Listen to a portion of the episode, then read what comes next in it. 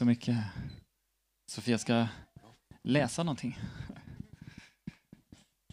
Eh, ja, eh, i morse så såg jag, jag tittade på min bibelapp och eh, jag såg att dagens vers var väldigt passande, för jag vet ju då vad Daniel ska prata om. och vi brukar ju inte följa kyrkoåret, men just den här söndagen är ju palmsöndagen när Jesus red in i Jerusalem. Så det var just en vers omkring det. Det är Johannes eh, 12. Och ehm, Ja, vi kan läsa från vers 12. Ehm, nästa dag hade folk i stora skaror kommit till högtiden. När de fick höra att Jesus var på väg in i Jerusalem tog de palmblad och gick ut för att möta honom och de ropade Hosianna, välsignade han som kommer i Herrens namn, han som är Israels kung. Jesus fann ett åsneföl och satt upp på det som det står skrivet Var inte rädd, dotter Sion. Se, din kung kommer ridande på ett åsneföl. Så Jesus, eh, Daniel kommer prata om att Jesus är kung. Och eh, här eh, hyllar de Jesus som kung. De blir glada eh, över att han är kung. Eh, och det kan vi också vara. Vi kan vara glada att Jesus är våran kung. Eh, och Jesus, eh, eh, eller de refererar här till vad som står skrivet. Var inte rädd, dotter Sion. Se, din kung kommer ridande på ett åsneföl. Han är en ödmjuk kung och vi behöver inte vara rädda för honom. Tack Sofia.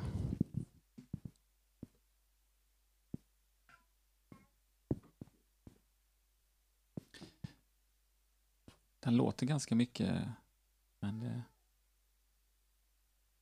jag behöver kanske inte så mycket medhörning.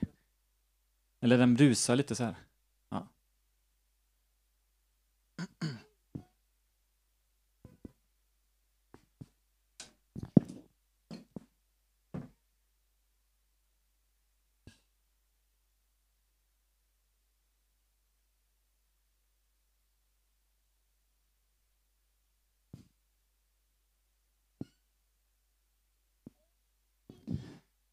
Roligt att se alla. Eh, det är väldigt fint att vi kan fira påsk. Och underbart här att vi kunde verkligen tacka, upphöja, jubla inför Gud. Tacka Jesus och med, med hela våra hjärta, med våran kropp, med våran själ, med våran ande. Att vi inte är likgiltiga, utan han har vi kommer tacka honom för evighet för det som han har gjort. Så det är väldigt bra att vi börjar nu. Om vi förstår vad han har räddat oss ifrån så kan vi inte annat än att vara glada. Och eh, Sammy hade eh, en stark eh, predikan, profetiskt budskap för fyra veckor sedan när vi var här. Och eh, det handlade om evangeliet och om vår respons på budskapet i evangeliet. Evangeliet om riket. Och eh, han lyfter fram apati och likgiltighet som ett eh, allvarligt problem och som en allvarlig synd. Och eh, vi har bett ganska mycket för det, eh, flera bröder och vi som ledare sedan dess faktiskt, så vi såg att det här är någonting som Gud talar till oss. Och eh, likgiltighet, det är eh, egentligen lika med att jag, jag bryr mig inte så mycket. Jag bryr mig inte så mycket, det är inte så angeläget. Eh, Jesus predikade evangeliet om riket. Vilket rike? Guds rike, riket där Jesus är Herre, där Jesus är kung. Och eh, det här som Sofia läste, det det handlar om att de såg framför sig, nu ska vi bli befriade. Nu ska vi bli fria. De tänkte då att de skulle bli fria från romarnas eh, betryck där. Men judarna hade också väntat då på Messias, Davids son, så lång tid. Och det är precis det som händer för oss när Jesus kommer in i våra liv. Att vi blir befriade från slaveri, från betryck, eh, från ett liv i synd, från det här som är synden att gå våran egen väg. Det är en väldigt bra definition på vad synd är. Att all, det står i Jesaja i Gamla Testamentet att alla gick eh, vilse. Alla gick sin egen väg. Så att när vi går våran egen väg, då, eh, då går vi inte med Gud och det är det som är synd. Att gå sin egen väg. Och det har inte så mycket att göra med om vi går på möten eller samlingar eller är med i en församling eller så. Eh, utan det är någonting som är på insidan och som präglar vår vardag. Eh, om påsken så, så finns det också det här välkända stället att Gud älskade världen så mycket att han sände sin enda son för att rädda oss. För att offra sin egen son. Och Jesus själv, han fick lära sig lydnad genom lidande och genom att dö på ett kors. Så apati och likgiltighet, det är eh, helt tvärt att vara en Jesu efterföljare. Det är helt tvärt hur Jesus är och hur Gud är. Ehm, och Jesus han var väldigt medveten om sina känslor och om sin vilja den där natten innan han dog, innan han blev tillfångatagen, piskad och korsfäst. Eh, så han hade sina känslor och han själv eh, i sig själv på ett sätt ville inte göra detta.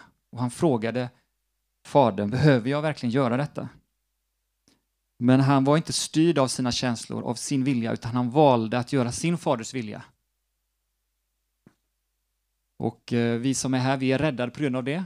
Och vi är kallade att följa hans exempel. Att leva så som han levde, att ha samma hjärta som han har. Så vi är kallade att gå samma väg som Jesus själv. Och men då kan man tycka så här, men är det här verkligen, är inte det här överdrivet? Hittar jag på det här? Är det verkligen sant? Är det verkligen så här? Eh, så omysigt. Eh, han har ju dött, behöver väl inte vi också dö?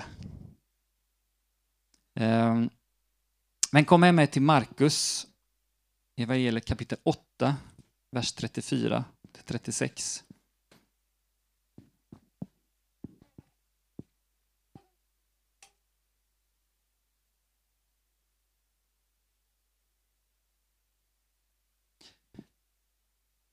Jesus eh, som talar, han, han eh, jag förstår det så här, han kallade till sig folket och sina lärjungar och sa till dem, om någon vill följa mig ska han förneka sig själv och ta sitt kors och följa mig. Den som vill rädda sitt liv ska mista det, men den som mister sitt liv för min skull och för evangeliets skull ska rädda det. För vad hjälper det en människa om hon vinner hela världen men förlorar sin själ? Oj, förlora sin själ. Men det här med att ta sitt kors,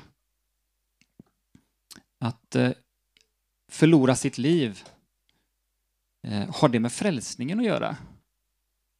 Förlora sin själ, står det här. Och vi ska titta vidare i några texter, bland annat i Romarbrevet. Och ni behöver inte slå upp, jag ska läsa några texter så här ganska lite snabbare igenom så här. Eh, men i Romarbrevet 10 till exempel så kan vi läsa, ska vi läsa här. Och eh, där står det att i vers 9 och vers 13. För om du med din mun bekänner att Jesus är Herren och i ditt hjärta tror att Gud har uppväckt honom från de döda ska du bli frälst. Var och en som åkallar Herrens namn ska bli frälst. Så det vi ser här väldigt tydligt att vi blir frälsta genom tro och vi blir frälsta genom att vi förhåller oss till Jesus som våran Herre. Det är det som är vägen in till frälsningen. Och eh, det står i Romarbrevet 1 och 5. Ni kan skriva upp eh, själva texten om ni vill läsa hemma. Romarbrevet 1 och 5. Genom honom har vi fått nåd och apostlaämbete för att föra människor av alla folk till trons lydnad för hans namns skull. Eller som det står i, i den här kärnbibeln, tron som leder till lydnad.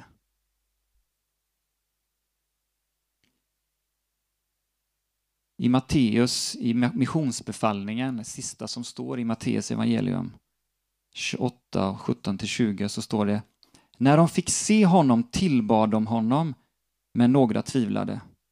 Då trädde Jesus fram och talade till dem och sa Åt mig har getts all makt i himlen och på jorden. Gå därför ut och gör alla folk till lärjungar. Döp dem i Faderns och Sonens och den helige Andes namn och lär dem att hålla allt som jag befallt er. Och se, jag är med er alla dagar till tidens slut. Så här kan vi se att Jesus är supertydlig. Han, eh, det här att han är kung, det här att han är herre, för han tar emot deras tillbedjan. Eh, han säger själv att han har all makt.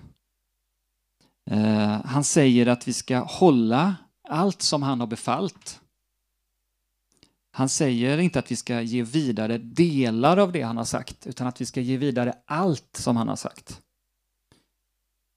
Han säger inte att vi bara ska undervisa allt, utan att lära ut till människor att hålla allt. Det betyder att göra allt som han har sagt och leva så som han har sagt. Han säger inte det som ett förslag, utan han säger det som en befallning. Och vi kan tycka att det, igen då, att det låter lite överdrivet med allt och allt och att han befaller. Mycket av det som Jesus säger det är väldigt omodernt.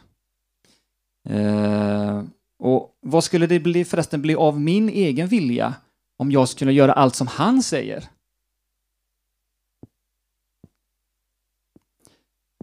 Det här med att lyda tillhör väl inte den moderna människan och vårt samhälle idag. Särskilt inte att lyda för att behöva göra någonting som jag inte vill göra eller känner för. Ska jag lyda även det?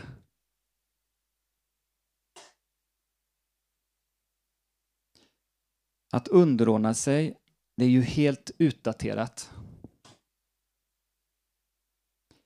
Det här med att ha en kung som regerar över mig, det, det tillhör väl det förgångna. Det tillhör väl inte nu, nu för tiden.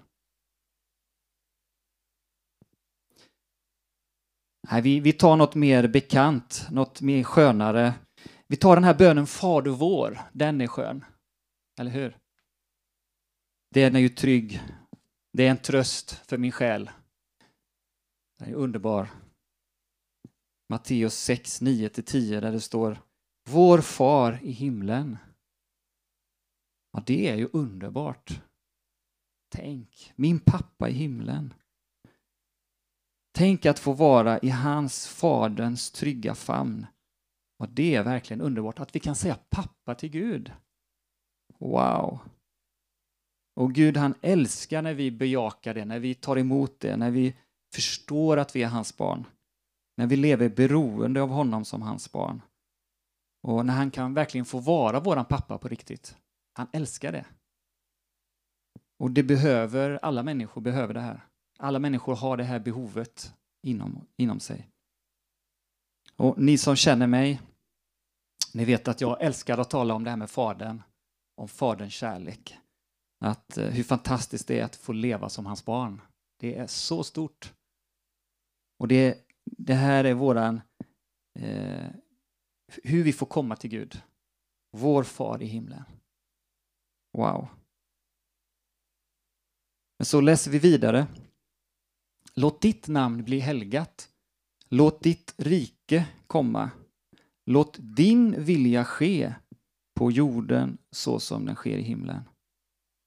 Så på jorden här nere alltså, alltså i mitt liv, alltså i min vardag.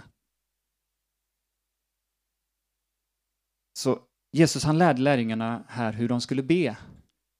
Men inte bara hur de skulle be, utan hur de skulle leva hur de ska förhålla sig till Gud.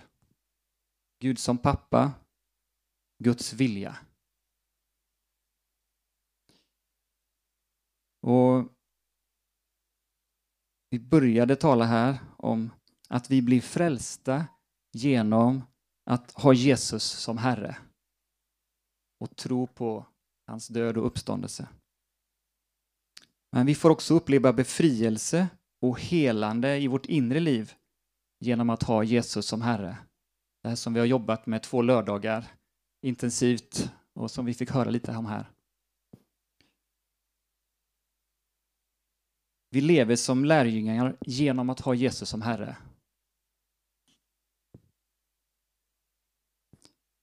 Och det är egentligen bara när vi har honom som Herre som vi kommer lyda honom. Som vi verkligen gör det som han har sagt. Och det som han har sagt både i sitt ord och det som han har sagt till oss personligen. Om han inte är Herre så och vi själva är våran Herre så tror jag vi tenderar att vi gör inte det som han säger till oss om det är något som inte vi känner för. Som inte vi vill göra, som inte vi är sugna på eller som krockar med våra planer. Så om porten är, porten in är att vi lämnar våra liv till Jesus som Herre och eh, om slutmålet eh, är att han ska ha platsen som Herre i evighet då behöver vi ju leva här och nu med honom som Herre. Också i den här mellantiden, eller hur? Ehm. Och om vi lever så, då har han också lovat att ta hand om alla våra behov. Som den goda pappa som han är. Nu kan ni eh, vara med mig och läsa. Nu ska jag inte läsa lika snabbt. Vi går till Matteus kapitel 6. 31 till 33.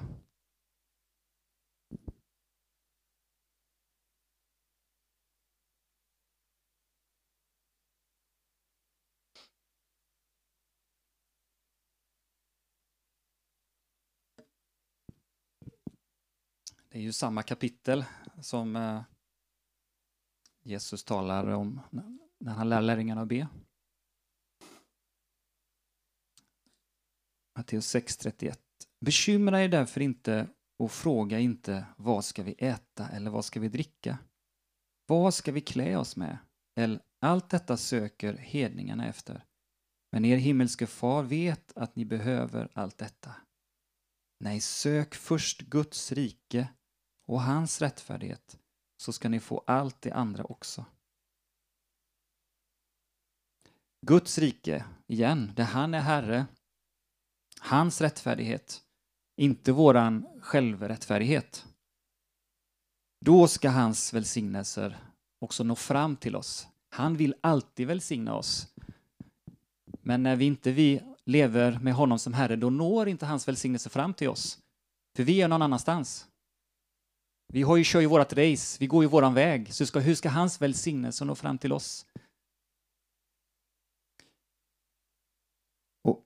inte så att Gud har begär efter makt.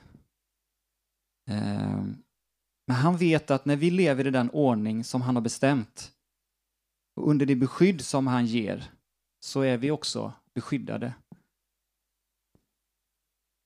Och han vet att utanför hans beskydd, när vi går utanför att ha honom som Herre, så är vi ett lätt byte. Och enda sättet för oss och enda sättet att besegra fienden, djävulen, som hela tiden vill få oss, slå oss, det är Jesu herravälde. Det är att han är Herre. Det är det som är vårt beskydd. Och han vet det, Gud vet det. Och när Guds rike växer i oss och när, vi, när hans, hans rike får mer plats i oss, hans herravälde, på fler och fler områden i våra liv, då är vi också beskyddade Och då finns också det som, eh, då kan vi också komma in i det som är verklig vila. Den riktiga vilan finns inte i att vi är passiva eller i våran bekvämlighet eller att vi gör det som vi tycker känns bäst.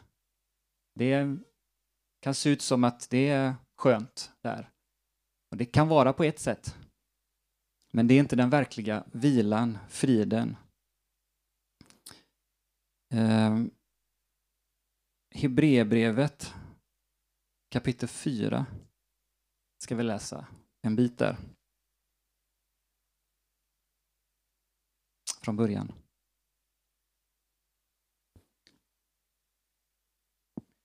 Eliande, jag ber att du talar till oss, att du eh, berör oss, att du uppenbarar ditt ord för oss. Du är en underbar kung. Jesus, du är en mycket bättre kung än vad vi själva är i våra liv. Och definitivt när vi är i mörkrets väldes kung. Tack Jesus att du är en god kung som bara vill gott för oss när vi själva är ofta är så hårda mot oss själva, fördömer oss eller skryter om oss själva.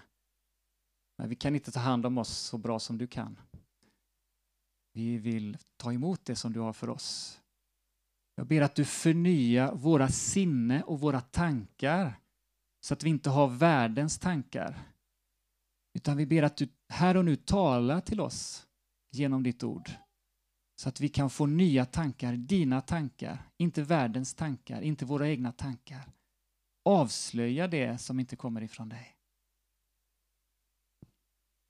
Här står det i Hebreerbrevet. När nu ett löfte finns kvar om att få komma in i hans vila, låt oss då akta oss så att ingen av er visar sig gå miste om det. Evangeliet har förkunnats för oss, liksom för dem, men de hade ingen nytta av ordet de hörde eftersom det inte smälte samman i tro med dem som lyssnade. Han pratar här om judarnas folk och Israel. Vi läser i Gamla testamentet. Och egentligen är det ingen skillnad på oss och på, på dem om vi inte följer det som Jesus säger. Om vi inte, han får vara herre i våra liv. Då är vi inte bättre än dem som klagade och gick sin egen väg och fick vara i öknen i 40 år. Det står det i vers 3. Det är vi som tror som går in i vilan. För de litade inte på Gud. Men när vi tror får vi gå in i vilan. Herren säger, så svor jag i min vrede, de ska aldrig komma in i min vila. Ändå har hans verk stått färdigt sedan världens skapelse. För på ett ställe säger han om den sjunde dagen, och Gud vilade på den sjunde dagen från alla sina verk. Men här säger han, de ska aldrig komma in i min vila. Det står alltså fast att vissa går in i vilan och att de som först fick höra evangeliet inte kom in på grund av olydnad.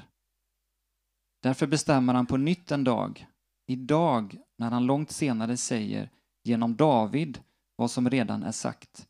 Idag, om ni hör hans röst, förhärda inte era hjärtan.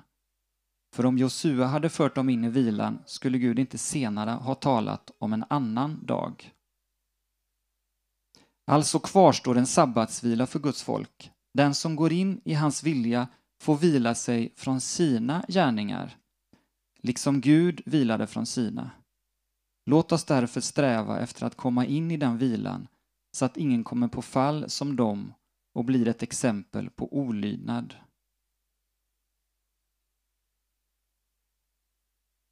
Så det här är också att vi får vila från våra egna gärningar, våran egen strävan, våran egen kraft. Och sen finns då den eviga vilan. Utan Gud finns, ingen, finns inget evigt liv, finns bara evig död. Fortsätter i vers 12. Guds ord är levande och verksamt. Det är skarpare än något tvegat svärd och genomtränger tills det skiljer själ och ande, led och märg och det dömer över hjärtats uppsåt och tankar. Inget skapat är dolt för honom, utan allt ligger naket och blottat för hans ögon. Och inför honom måste vi stå till svars. Så vi är ansvariga inför Gud. Vi är inte ansvariga först och främst för varandra eller att vi som ledare eller som församling har synpunkter. Utan det är vi inför honom först och främst som vi är ansvariga. Både det som andra vet om oss eller som andra inte vet om oss.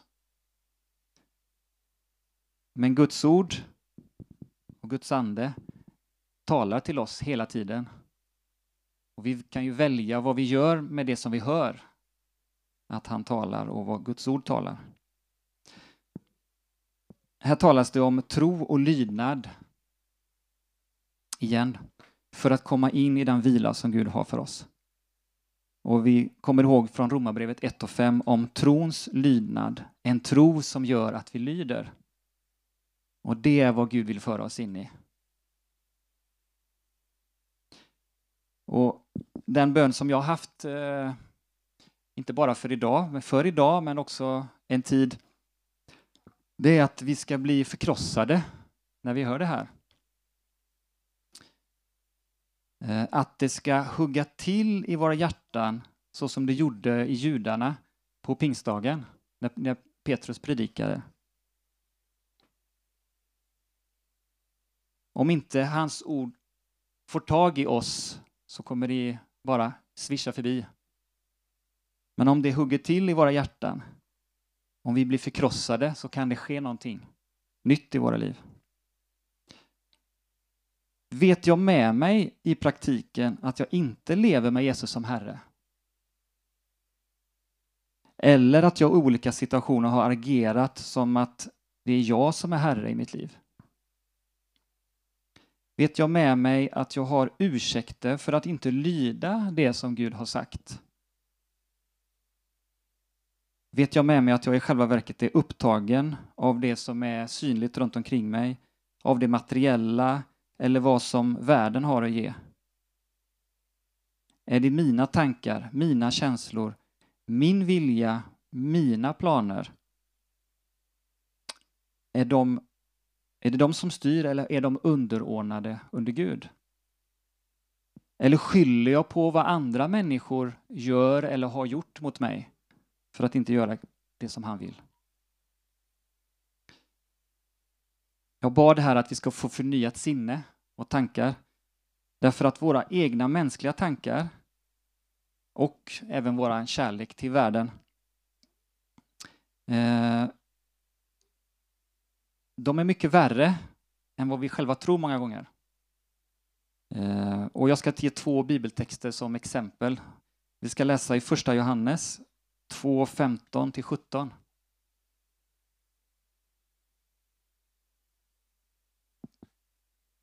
Första Johannes brev. Så vi kan läsa tillsammans, ni som har bibel.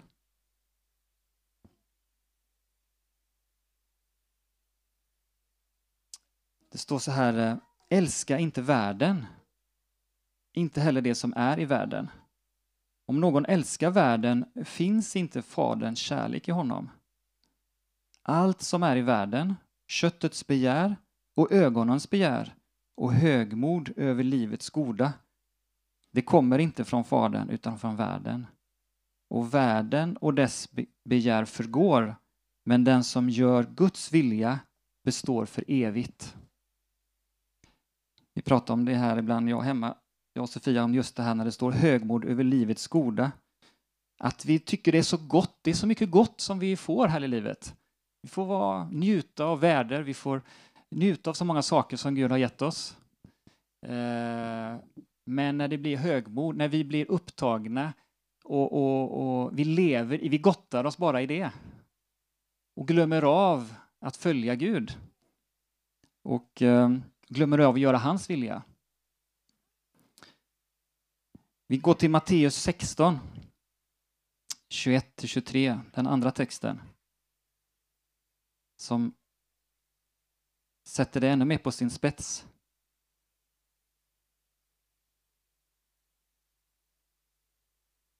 Matteus 16, 21.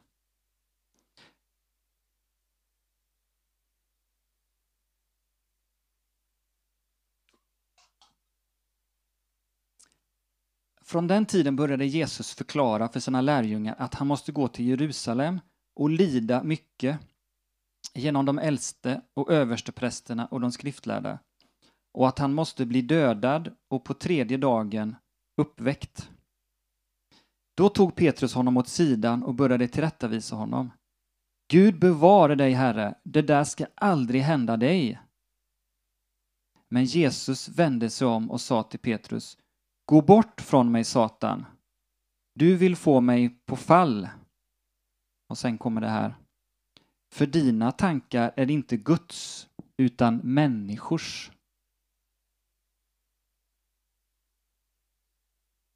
Så han, det här som kommer ifrån Petrus till Jesus, det ser Jesus att det här är ju ord från Satan. Det här är ju från Satan själv. Det här är, det här är tvärt emot det som Gud vill. Och det är inte bara det att, att uh, han säger det här att det, det, är från Satan, utan han, han säger dina tankar är inte Guds utan människors. Så våra människotankar, de, de, de kan vara så illa som att det kan vara det som kommer från Satan.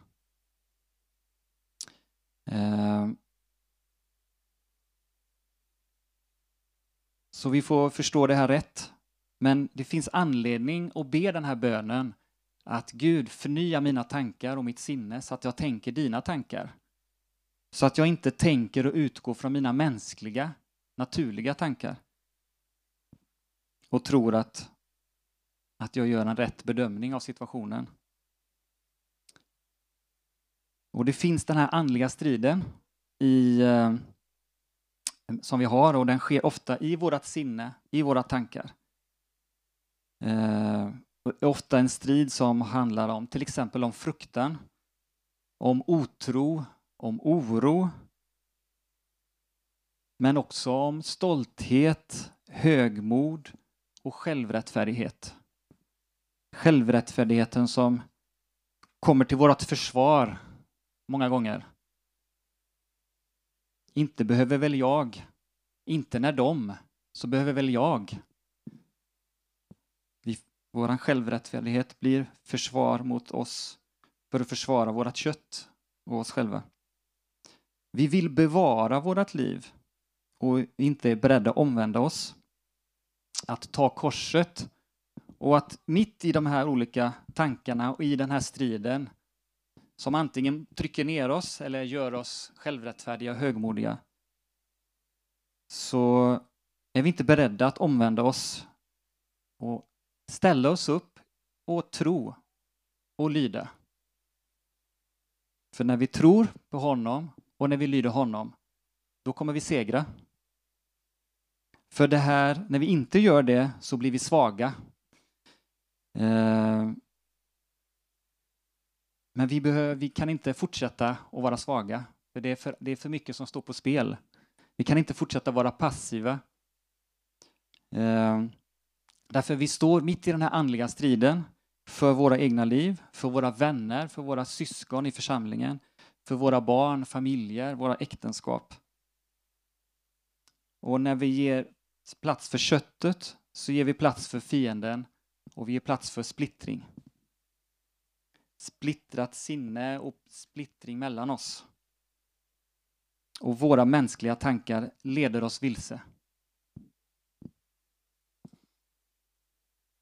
Och det är ganska fantastiskt här att eh, hade det varit någon, om Bibeln var en efterkonstruktion, om det var någon som har skrivit Bibeln för att det ska se bra ut, så skulle man inte låta Petrus säga det här som han säger och Jesus säga det här om vad Petrus säger.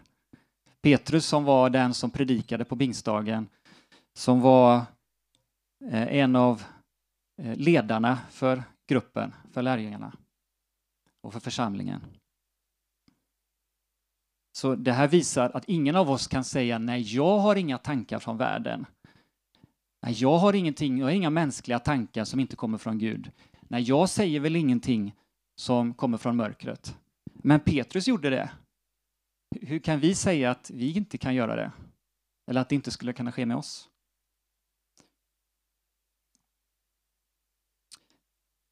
Det här som Sami pratade om för en månad sedan, om apati.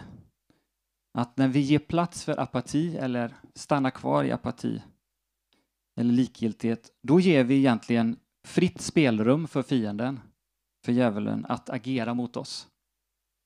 Eh, och han har massor med planer, men han är ute efter att försvaga församlingen. Och han är ute efter att egentligen knäcka oss, var och en av oss. På vilket sätt som helst som han upptäcker det möjligt. Det kan se olika ut för var och en av oss.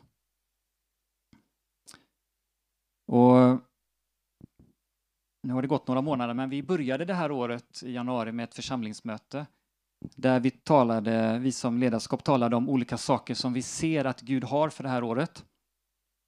Eh, och en av de sakerna var att vi behöver växa i bön. Eh, en annan sak har varit att vi behöver växa i tro. Och vi behöver Andens kraft. Eh, och just nu så ser vi det här väldigt aktuellt för oss. Eh, vi, vi upplever, eh, och vi har, många av er har känt av och märkt av och vi har talat om det och vi har framförallt uppmuntrat alla män i församlingen men uppmuntrar också alla i församlingen att, eh, att be och att vara medveten om att vi är mitt i en andlig strid och vi känner en attack på många sätt mot olika familjer och olika situationer. Eh, och för att vi ska komma in också i det här nya som Gud har visat, det var också något som vi talade om i januari, att Gud har börjat föra oss in i nya saker, nya kontakter, nya saker som Gud gör i församlingen och nya människor och hur Gud vill använda oss för nya platser. Eh, men om vi ska komma in i det nya som Gud vill göra bland oss så behöver vi, har vi insett att vi behöver, eh, vi behöver nya kläder. Eh, vi behöver använda de andliga vapen vi har fått och vi behöver växa i tro och i bön.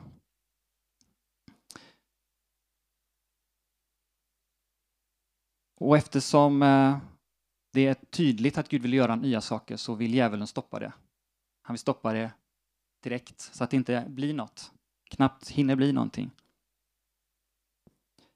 Eh, och om han kan hålla oss kvar i apati, i otro, i oro, i olydnad, så vet han att han har vunnit. Och det kommer inte bli någonting med det nya som Gud vill föra oss in i. Jag har en sista text här. Eh, Hebreerbrevet 12. Ska vi läsa lite fler verser där också.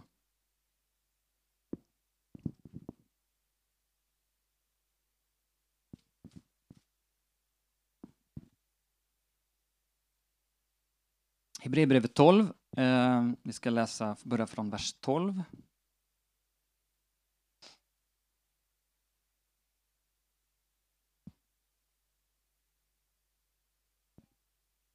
Det börjar väldigt bra här för att vi vet att det är många som behöver bli förnyade och få ny kraft och ny ork.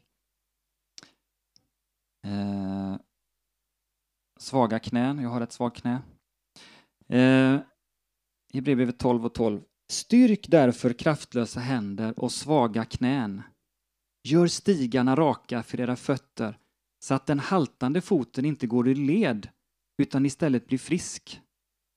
Sök frid med alla och helgelse, för utan helgelse kommer ingen att se Herren. Se till att ingen går miste om Guds nåd och att ingen bitter rot får växa upp och skada och smitta många. Det här är väldigt allvarligt. När vi börjar komma upp saker inom oss, oförlåtelse, bitterhet, distans mellan oss. Saker, kanske till och med, det kanske är att vi inte ens säger det, men det finns där och det skapar splittring och det splittrar oss. Så vi var, behöver vara väldigt vaksamma. Eh, att leva i ljuset när vi, med varandra när vi ser att det kommer upp saker inom oss. När vi märker att den personen vill jag inte prata med eller engagera mig i. Eller vad det nu är. Då har det kommit in någonting som inte är från Gud. Men sök frid, står det i vers 4, med alla. Ja, vers 16. Se till att ingen är sexuellt omoralisk eller oandlig som Esau, som sålde sin förstfödslorätt för ett enda mål mat. Jag själv vet hur, eh, hur uh, oandlig och kötslig jag är i mig själv. Hur hård jag kan vara mot andra och mot mig själv. Eh, irriterad, hur jag kan bli modlös, hur jag kan vara okänslig. Allt det här om jag går i min kraft, om jag går utan en helig ande. Så att jag har blivit väldigt så här eh, väldigt försiktig. Jag vågar inte egentligen börja en enda dag utan att be Gud om hjälp. Eh, utan att eh, avkläda mig, min gamla människa som det står i Bibeln. Att lägga bort det här dåliga beteendet, att, att tala ut i bön. Jag, nu lägger jag bort irritation, hårdhet, även missmod och oro. Och att tala ut det här. Och att, att jag, nu, jag, jag vill lägga bort allt det här kötsliga. Jag tar beslut nu. Jag vill inte, det här ska inte få prägla min dag. Det här naturliga Daniel, den här gamla människan, ska inte få prägla mitt beteende idag. Utan jag, ber om att du ska ge mig en förkrosselse, en ödmjukhet.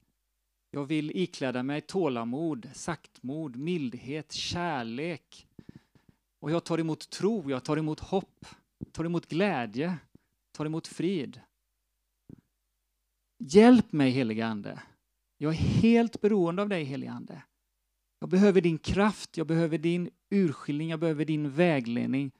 Jag vill inte göra någonting utan dig, helige Ande. Jag vill vandra i den helige Ande. Så jag vet att om jag inte gör det, då gör jag det i min egen kraft, eller i köttet. Och jag vet att det bär ingen bra frukt. Det ger inte välsignelse. Så jag, har, jag är så medveten om vem jag är i mig själv, mer och mer. Så jag vågar inte, inte vara beroende av Gud, inte underordna mig Gud, inte säga till honom, du är Herre, jag vill följa dig, jag vill att du leder mig och hjälper mig.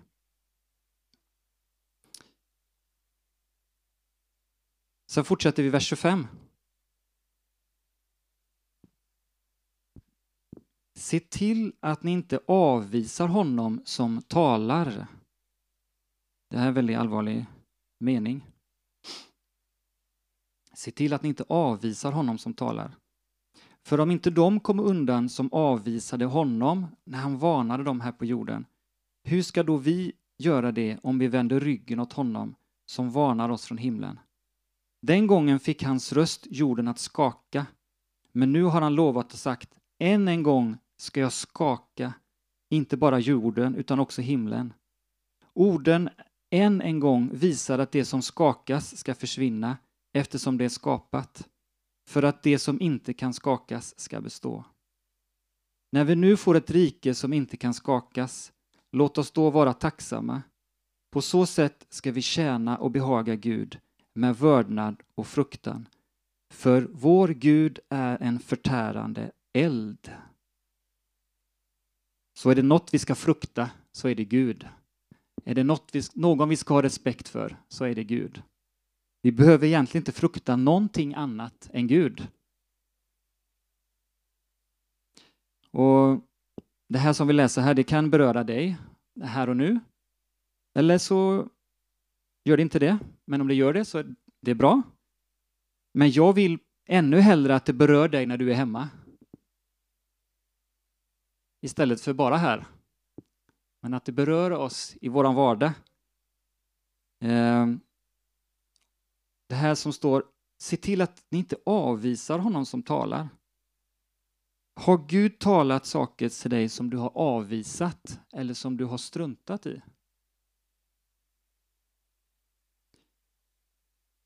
Vet du med dig att det finns saker i dina relationer med dina syskon? Du, är inte, du har gjort din del har Gud visat dig att du lever i oberoende eller synd på något område men tagit lätt på det och inte omvänt dig än? Fortsätter utan att ha omvänt dig. Och så vidare. Det är bara Gud som vet vad som finns i ditt hjärta, i våra hjärtan. Så det här budskapet, det här som jag talar här idag, det är det är både en varning och det är en uppmuntran. Jag hoppas det i alla fall. Att det ska vara både och. Eh, det är definitivt en uppmaning att ta Guds rike och Guds herravälde på allvar.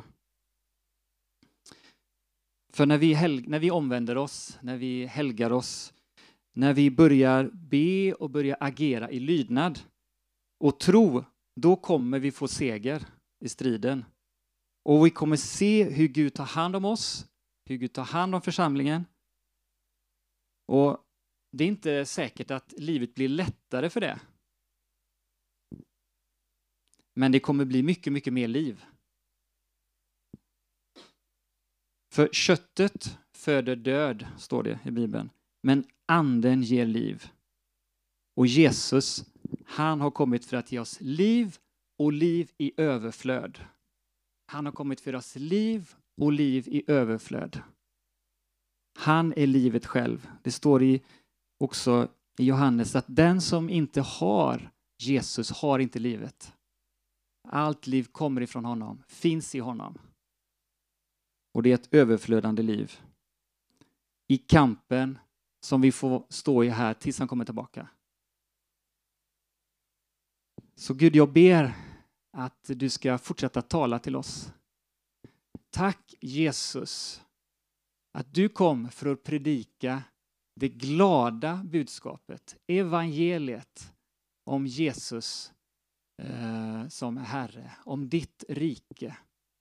Du kom för att predika de goda nyheterna om Guds rike. Tack för att du kom och predikar frihet för de fångna och syn för de blinda.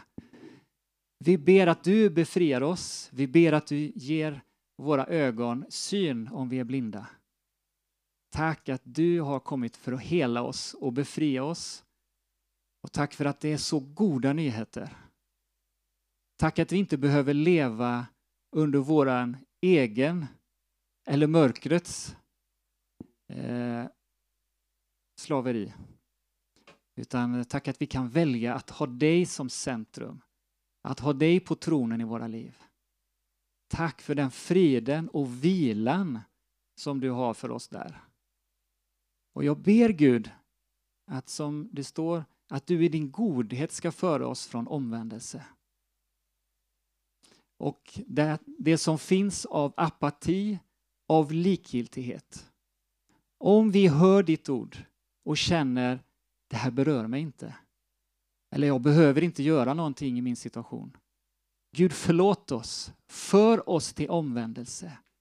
Gå iväg denna ande av apati, av likgiltighet från oss, från mitt liv. I Jesu namn. Jag beslutar att jag ska inte vara i min bekvämlighets comfort zone. Men jag ska underordna mig Jesus Kristus som är Herre nu och för evigt och som har frälst mig. Jag vill ha det här livet som ett liv i överflöd. Var min Herre Jesus.